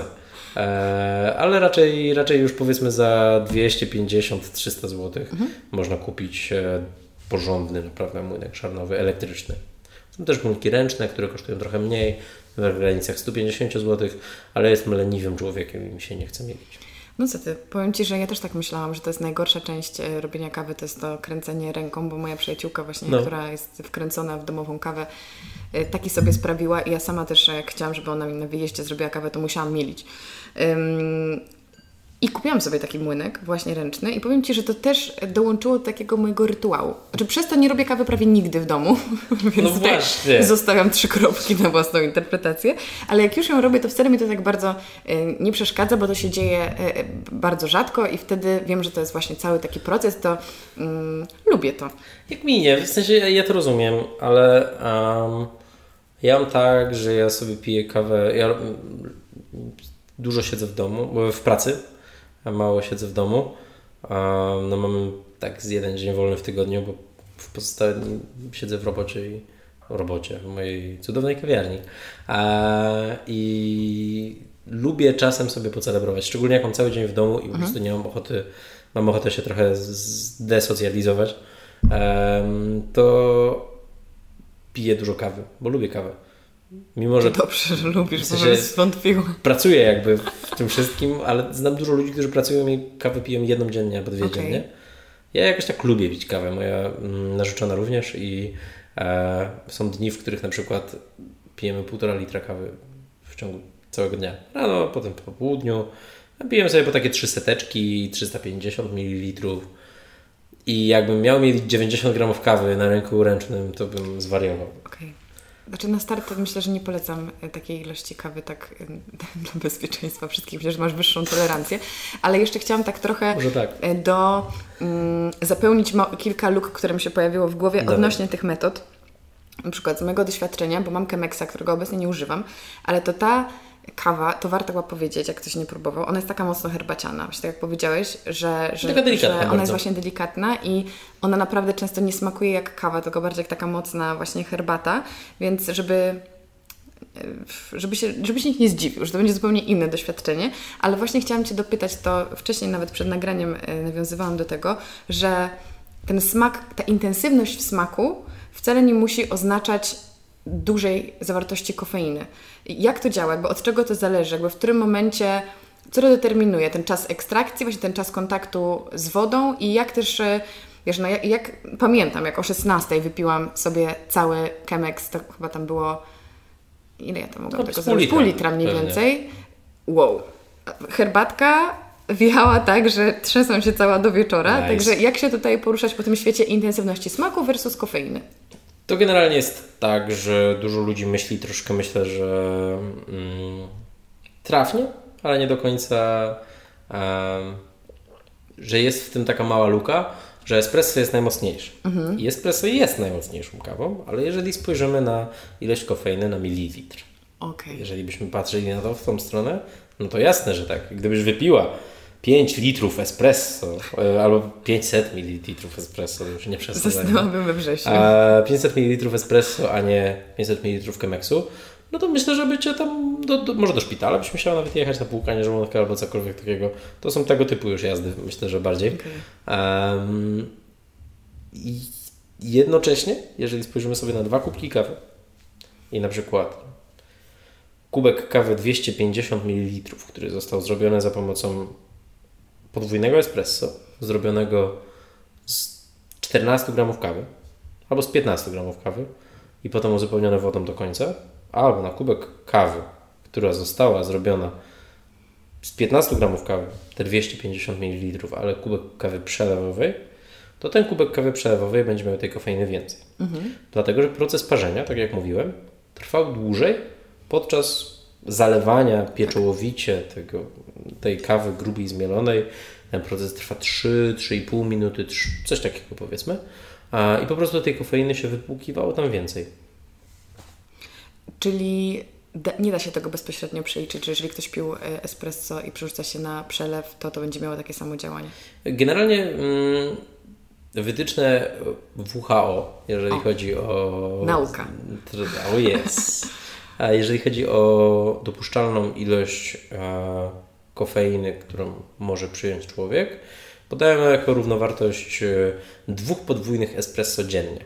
Mhm. Co jest generalnie totalnie złym sposobem na mówienie tego w jakikolwiek sposób, ale mm, nawet jeżeli spojrzymy na to, no to powiedzmy, że myślę, że każdy człowiek jest w stanie przyjąć plus minus 500 ml kawy na przestrzeni całego dnia przelewowej albo takie dwa espresso. Oczywiście to czasowo rośnie nasza tolerancja na używkę, jaką jest mhm, kawa. Um, ale też wydaje mi się, że w pewnym momencie dochodzimy do takiego trochę szklanego sufitu i dla, z mojego doświadczenia większość osób, nawet takich, które piją kawę bardzo dużo, um, to zazwyczaj te takie 600-700 ml dziennie to jest taki szczyt szczytów po prostu tego, co można wypić, żeby żyć dobrze. A co sądzisz o kawie bezkofeinowej? Spotkałem się kiedyś z bardzo ciekawą opinią, którą generalnie ja też bardzo lubię, mhm. że ludzie, którzy piją kawę bezkofeinową, to są najlepsi klienci kawiarni. Dlatego, że to są ludzie, którzy lubią kawę dla jej smaku, a nie dla pobudzenia. I w ogóle bardzo warto na to spojrzeć z tej strony. Czad. Um, uważam, że kawa bezkofeinowa nie jest niczym złym. Szczególnie okay. jeżeli jest robiona w dobry sposób. Wiele złych rzeczy mówi się o decafach marketowych i mm -hmm, bardzo dobrze, mm -hmm. bo to są zazwyczaj kawy, które są zdekofeinizowane w bardzo chemiczny sposób. Okay. I one mogą mieć więcej rakotwórczości w sobie, różnych rzeczy tego typu. No nie toksyna. Tak. Jednocześnie e, dobre decafy, mm, czyli powiedzmy kawy bezkofeinowe speciality, e, pochodzące z pewnych źródeł, gdzie wiemy, że na przykład e, metodą szwajcarską była wypłukiwana kofeina, czyli za pomocą e, wody To musi być dobra metoda, skoro no, szwajcarska. Tak, no, dokładnie. No to generalnie możemy przypuścić, że ta kawa będzie lepsza. Dobra, wiadomo, że ciężej jest wypalić kawę bezkofeinową, mhm. bo to jest ingerencja w ziarno zielone, która potem wpływa na pracę roastera okay. i te kawy się pali ciężej i one czasem są trochę mniej smaczne, ale czasami są bardzo ok. Mhm. Um, jednocześnie, jeżeli ktoś, ja na przykład u siebie e, mam kawę um, decaf z Brazylii, z jednej z warszawskich palarni, um, regularnie dokupuję, całkiem dużo serwuję, aczkolwiek ja jeżeli chodzi o kawy bezkofeinowe, to jestem wielkim fanem kawy Inki. Kocham kawę Inkę. Super, że powiedzieć o kawie Ince, bo nie chcę obrażać kawy Inki teraz tym, co zrobię, ale co w takim razie sądzisz o kawach rozpuszczalnych? Kawy rozpuszczalne to jest bardzo, bardzo, bardzo ciekawy temat. Mm, jednocześnie bardzo smutny. Mm. E, proces, który za pomocą którego są robione kawy rozpuszczalne, jest procesem dość drogim w produkcji. Ale przecież kawy rozpuszczalne są tanie. No właśnie.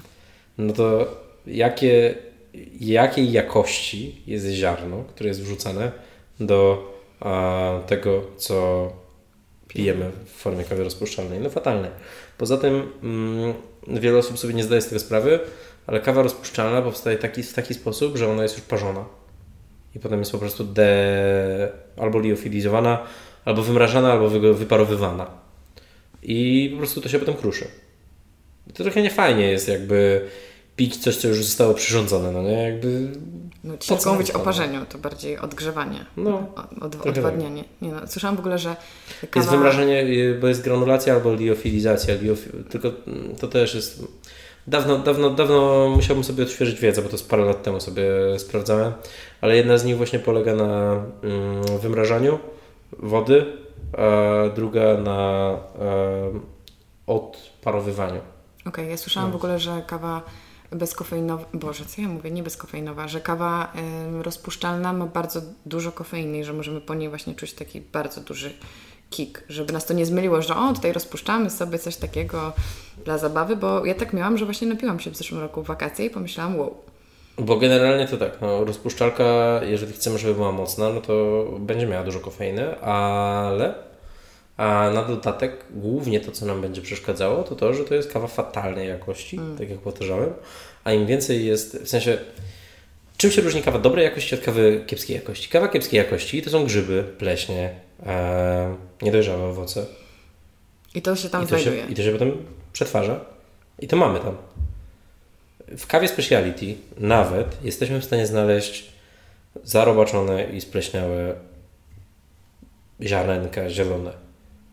Kiedyś miałem przyjemność zobaczyć kawę zieloną, która trafia do e, takiej ala, ala rozpuszczalnej kawy, nawet trochę lepszej i to były w większości e, kamyki, pleśń, grzyby i robale. Pycha.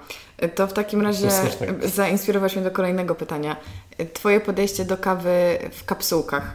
Bo widziałam ostatnio w kawiarni bardzo fajnej, rzemieślniczej, że tak powiem, e, ich własne kapsułki. I czy to jest jakiś trend, czy to jest coś, co, czemu dajesz zielone światło? Jak, jak się na to zapatrujesz?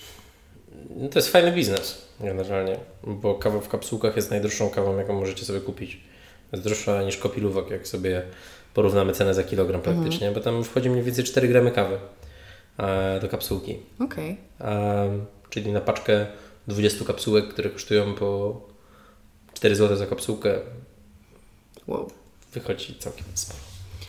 No, no um, to jest dobry biznes. Kawa może być w tym dobra. Mhm. Możemy zrobić biodegradowalne kapsułki. Okay. I to jest git, w sensie jakby nie mam z tym najmniejszego problemu. Okay. Sam sobie robię tonik espresso na, bo kiedyś wygrałem na jakichś zawodach ekspres na kapsułki, whatever. Um, I mam kapsułkę wielokrotnego użytku i sobie robię tonik espresso na jakiejś tam zmielonej przeze mnie Brazylce z takiego ekspresu na kapsułki. I da się to pić. Um, nie stoi to w ogóle obok espresso, bo mhm. ekspres na kapsułki działa na ekstremalnie niskich dozach. I to jest bardziej coś w stylu kawiarka. Aha. I da się z tego coś zrobić. Tylko, że to jest w większości case e, kawy marketowej z ogromną ceną. Ekspresy kapsułkowe są tanie i bardzo przystępne pod każdym względem, są malutkie i tak dalej, ale po prostu producenci sobie zbijają kokosy na tym, ile kapsułek, ile kosztuje kapsułka, bo to też nie jest duży koszt, nie? I 5 zł kapsułka, wow, albo nie wiem, tam 2 zł nawet niech będzie kapsułka, w której są 4 gramy kawy. Czyli 400 gramów kawy kosztuje, dobrze liczę, 200 zł. Tak. Czyli mamy kawę za, nie wiem, 450 zł za kilogram kawę, która była kupiona od farmera za około 1 dolar. C-price mm. arabiki w tym momencie wydaje mi się, że wynosi poniżej 2 dolarów, czyli giełdowa cena um, średnia arabiki. Ale jeżeli już mówimy o tym, że kupujemy takie kapsułkowe kawy w spalarni sprawdzonej, to to jest Twoim zdaniem z etycznego punktu widzenia ok? Tak. Okay. W sensie nie uważam, żeby to było coś złego, bo mamy produkt, który jest dobry, który wspiera, wspiera naszą tutaj lokalną polską palarnię, jakąś branżę. Um, większość te polskie kapsułki, o których, które myślę, że o których mówisz, oni na pewno zrobili je jako biodegradowalne, więc przynajmniej będą się szybciej rozkładały, bo wiadomo, że ciężko jest z recyklingiem kapsułek, dlatego że po prostu tak. trzeba by było je rozerwać, wysypywać i tak dalej. Nikt tego nie robi, tak. więc wszystko idzie do zmieszanych i plastik potem leży przez dziesiątki tysięcy lat na naszej planecie. Ale już biodegradowalne kapsułki e, poleżą parę lat i ich nie będzie. Ich gdzieś tam ślad jest dużo mniejszy. Więc nie uważam, żeby było to coś złego, aczkolwiek uważam, że nie jest to idealne rozwiązanie z punktu widzenia tego, że e, utrzyma to branżę kapsułkową gdzieś na powierzchni. Mm -hmm. Tematy się nie kończą, ale jeszcze zapytam Cię o trzy rzeczy, o ile będę o nich pamiętała, bo wielokrotnie mówiliśmy o palarniach. Mhm. Jak się mają w ogóle palarnie w Polsce i dlaczego warto je wspierać? Palarnie w Polsce nie mają się źle. Rosną wszystkie. Z tego co kojarzę, to z kawą speciality powoli wydaje mi się, że dzieje się to, co działo się parę lat temu z piwem kraftowym w Polsce. Mhm. Idziemy do Lidla i kupujemy sobie po prostu jakieś chore ilości kraftowych browarów z przeróżnych browarów. Fajnie. Z kawą tak nie jest. Myślę, że z kawą tak będzie. Może nie w takiej skali, ale I guess myślę, że to, to, jest, to jest możliwe. Polskie palarnie mają coraz więcej. Mm, coraz więcej kawiarni przechodzi do nich. Coraz więcej miejsc, które kupowało kawę włoską za 120 zł za kilogram, która była warta promil tej ceny, przechodzi do polskich palarni, bo jest taniej, jest lepiej jakościowo, jest smaczniej, jest fajny kontakt. Um, trzeba je wspierać, bo wiadomo, że jeżeli przestaniemy, to przestaną się rozwijać i będziemy mieć gorzej wszyscy. Um, ale polskie palarnie są super. W sensie uważam, że naprawdę robią dobrą robotę. W samej Warszawie wydaje mi się, że kiedyś chyba sprawdzałem, że jest 13 palarni w Warszawie. No. W całej Polsce myślę, że to idzie w paręset. Oczywiście to nie wszystko są palarnie speciality, okay. um, ale nawet jeżeli byśmy spojrzeli tylko na nie, to uważam, że mamy w Polsce świetnych sensoryków, świetnych roasterów, świetnych, bardzo kreatywnych, młodych ludzi, e, którzy będą budować tę branżę w świetny sposób. A podzieliłbyś się kilkoma takimi sprawdzonymi, bo zakładam, że palarnia palarni nierówna i można też e, na średnią kawę trafić. Ja nad, nad całe moje. Jeżeli miałbym pić kawę z jednej palarni do końca no. życia, to piłbym kawę od e, Wojtka Machowskiego, który ma palarnię Good Coffee Micro Roasters, mhm. która znajduje się na Tarchominie. Mhm. A wysyłają do paczkomatów, albo możecie do nich podjechać i odebrać. E, cudowny człowiek, w sensie ja go uwielbiam, bo jest e, takim generycznym hipsterem, w sensie w takim bardzo pozytywnym znaczeniu tego słowa, bo to jest człowiek, który otworzył sobie palarnię, bo lubi kawę, ale nie lubi jej za bardzo sprzedawać jako tak. Lubi ją pić, lubi ją palić. Nie jest biznesmenem w żaden sposób taki. Jest super ciepłym, miłym, fajnym człowiekiem, który na dodatek robi rewelacyjne kawy i pali tylko i wyłącznie to, co mu smakuje. To jest coś takiego, co uważam za, za fenomen, mhm. bo na jego stronie internetowej znajdziecie po prostu 7 czy 8 kaw, które aktualnie ma. Możecie wybrać, czy on ma Wam to wypalić pod espresso, czy pod filtr i tyle. I to jest po prostu wszystko. I opis Żadnych moja błędów. ulubiona. Trochę tak, on pisze, tu czuję to i to i to. I to zazwyczaj się sprawdza. I to jest fajne, bo to są naprawdę mikroloty, w sensie to są bardzo rzadko spotykane kawy. Drogie, ciekawe, interesujące. Um, ekstra. Naprawdę uważam, uważam, że on robi kawy najciekawsze, bardzo interesujące, unikalne smakowo.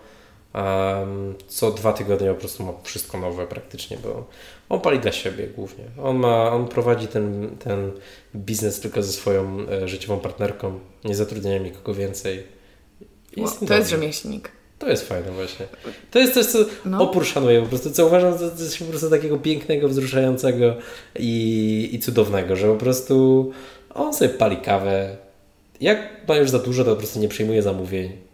I tyle. On nie ma puszu na to, żeby zrobić palarnię na nie wiem 20 ton kawy tygodniowo i cała Polska wszystko tylko jest mu dobrze po prostu z tym, co, co robi. I to jest coś cudownego, wspaniałego i rewelacyjnego. Druga palarnia to już trochę większy gracz. E, to jest warszawski Hybe. Właśnie myślałam, How are you brewing? Mhm. Palarnia, w której e, byłem trenerem, szkoleniowcem przez jakiś czas. Palarnia, którą bardzo cenię i bardzo lubię.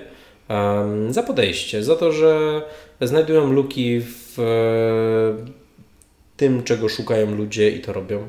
I uważam, że to jest super fajne. E, za to, że e, mają blendy do espresso, nawet blend, w którym jest robusta, ale to jest blend naprawdę smaczny, bo to jest robusta, która jest sprowadzona przez nich z Ruandy, a nie jakaś tam India najtańsza.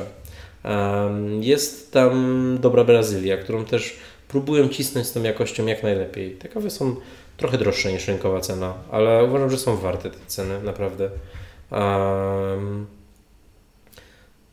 mają fajną identyfikację wizualną, ładne mm -hmm, kartoniki. Mm -hmm. E, Branding uważam, się zgadza. Tak, uważam, uważam, uważam, że generalnie to jest e, firma, która ma ogromny potencjał na to, żeby um, wyjść w Europę albo i świat. E, kogo jeszcze mogę polecić z warszawskich, ale powiedzmy, że skupmy się na Warszawie. Mhm. Um, warto powiedzieć na pewno o Coffee Labie, który jest dobrą palarnią, który robi smaczne kawy, który jest na rynku już parę dobrych lat i um, pracują tam ludzie, którzy są pełni pasji i robią fajne rzeczy. Mamy Java, która jest tym samym mhm. case'em. Java w ogóle jest Java Coffee Roasters, to jest najstarsza palarnia speciality w Polsce, um, która robi naprawdę smaczne kawy, która robi um, dużo dobrego dla, dla społeczności speciality. Um, I to są moje, moje typy. Bardzo fajne typy. Ja teraz zupełnie przeskoczę do innego wątku. Herbata. Nie, żartuję. Piwo. Skoro już o tym mówiliśmy. Żeby domknąć temat tego młynka i mielenia w domu, czy jeżeli chcemy ustawić sobie młynek pod konkretną, pod konkretną metodę parzenia, to lepiej to po prostu wygooglać? Czy są jakieś zasady? Bo z tego, co ja byłam uczona kiedyś tam, to jeżeli za grubo zmielimy, to ona szybciej przeleci ta kawa i ona wtedy będzie właśnie zakwaśna. Mhm. A jeżeli za mocno zmienimy, będzie się dłużej ekstraktować, będzie gorzka. Fajnie, trzeba... że odpowiedziałaś na własne pytanie. Dzięki. Chciałam się pochwalić, eee, że coś eee, wiem. Super. E, ale e, dobrze. Miło mi się Nie, no, śmieję, śmieję się, ale Czy to musimy, musimy to zbalansować? W sensie, czy jest jakaś zasada, czy my musimy sami stwierdzić, że nam jest za gorzko albo za, za kwaśno? Trzeba znaleźć złoty środek. Złoty środek moim zdaniem można znaleźć albo empirycznie, po prostu próbując każdą kolejną kawę i patrząc co nam się podoba, a co nie.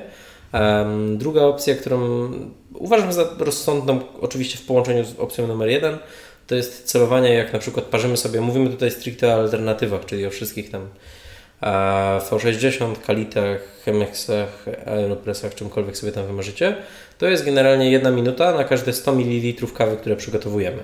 Okay. Proste przełożenie, tak, nie? Jedna tak. minutka, 100 ml, czyli jak pół litra, to 5 minut jest takim czasem, który prawdopodobnie będzie bardzo smaczny. Jeżeli robię sobie kubek 300 ml, 3 minutki, git. Mhm. I mm, zazwyczaj wtedy kawa ma odpowiednią ekstrakcję. Oczywiście ciężko tu powiedzieć, że to jest stuprocentowa zasada, ale coś, co naprawdę no, wydaje mi się rozsądne. I tak szkoliłem i raczej mało osób wracało niezadowolonych z moich szkoleń, więc, więc to zdecydowanie mm, myślę, że jest e, ważne. E, oczywiście, im mniej kawy, tym drobniej mielimy, tak? Im więcej kawy robimy, tym grubiej. Um, warto nie robić bardzo dużych przeskoków.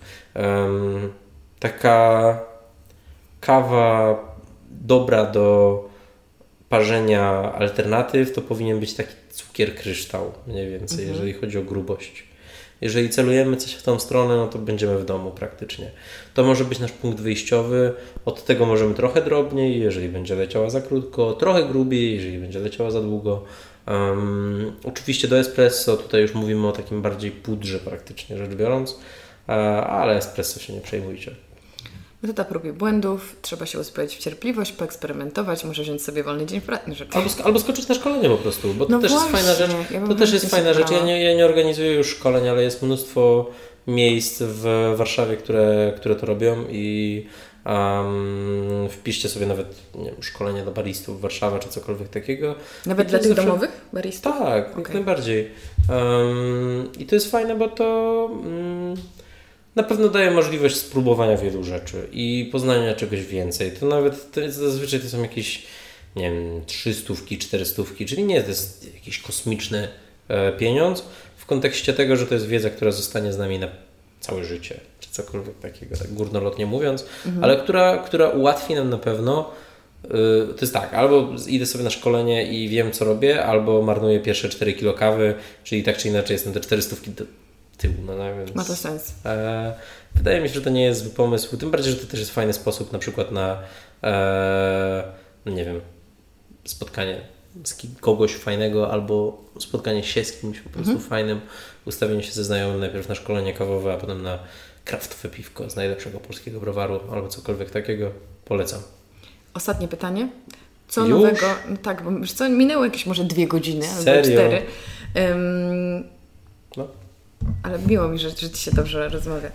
Powiedz mi, co nowego w kawie? W sensie, czy mamy jakieś trendy w kawie, czy są rzeczy, które teraz się pojawiają, czy jest coś, czego warto spróbować, bo to jest jakaś, jakaś nowość. Parę lat temu weszło tonik espresso, teraz wszyscy, wszyscy, to też jest taka generalizacja bez sensu zupełnie. Teraz bardzo powszechne to się stało, choć ja nie jestem y, przekonana, mhm. e, ale no właśnie, co, czy, czy masz jakieś newsy kawowe? To w dwie strony może pójdę. Pierwsza strona taka, żeby trochę zaprzeczyć temu, co mówiliśmy przez ostatni mhm. czas. E, fine Robusta.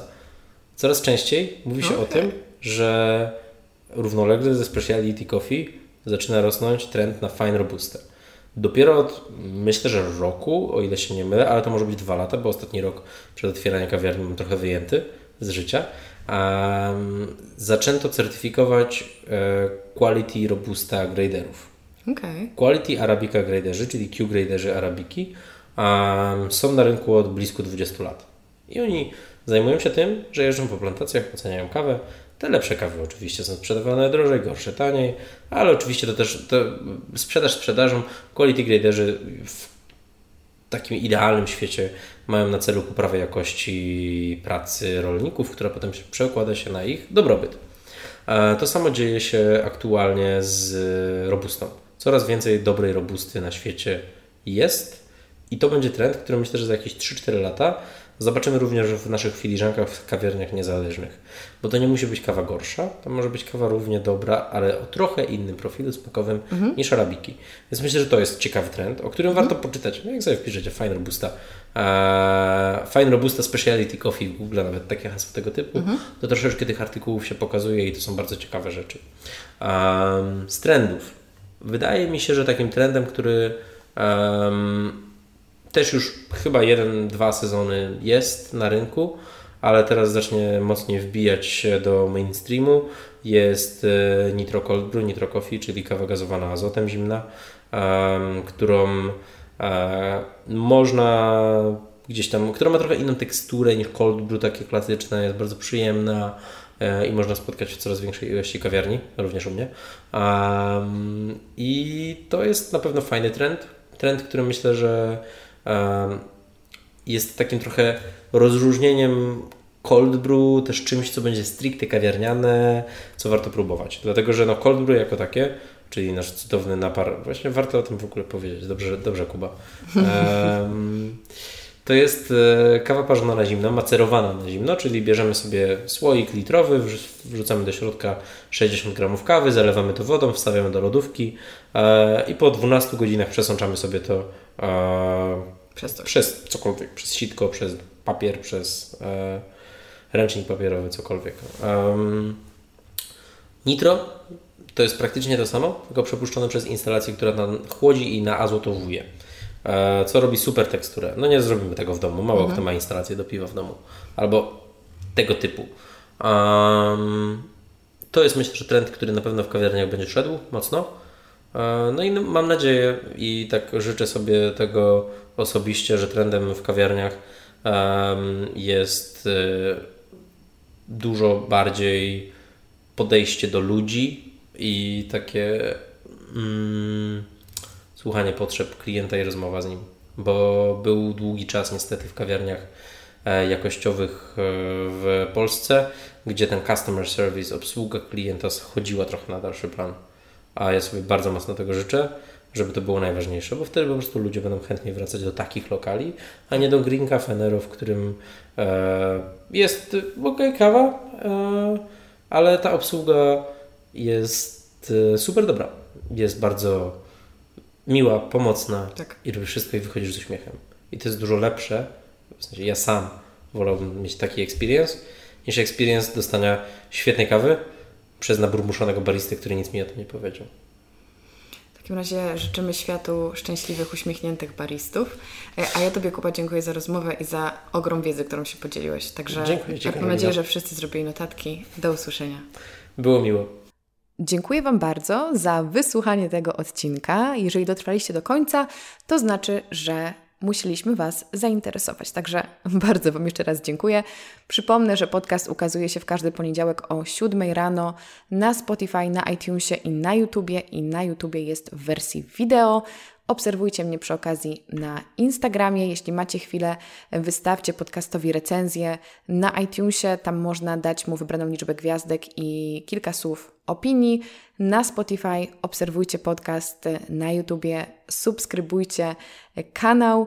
Tak jak mówiłam wcześniej, udostępniajcie, wspierajcie podcast poprzez zakupy w moim sklepie online i śledźcie, bo co tydzień mam dla Was nową dawkę ciekawych materiałów. Bardzo Wam dziękuję. Kolejny kawowy temat nadchodzi, bo zdecydowanie nie wyczerpaliśmy tematu, ale to jeszcze za parę tygodni. Także żegnam się z Wami, dzięki wielkie i do usłyszenia. Cześć.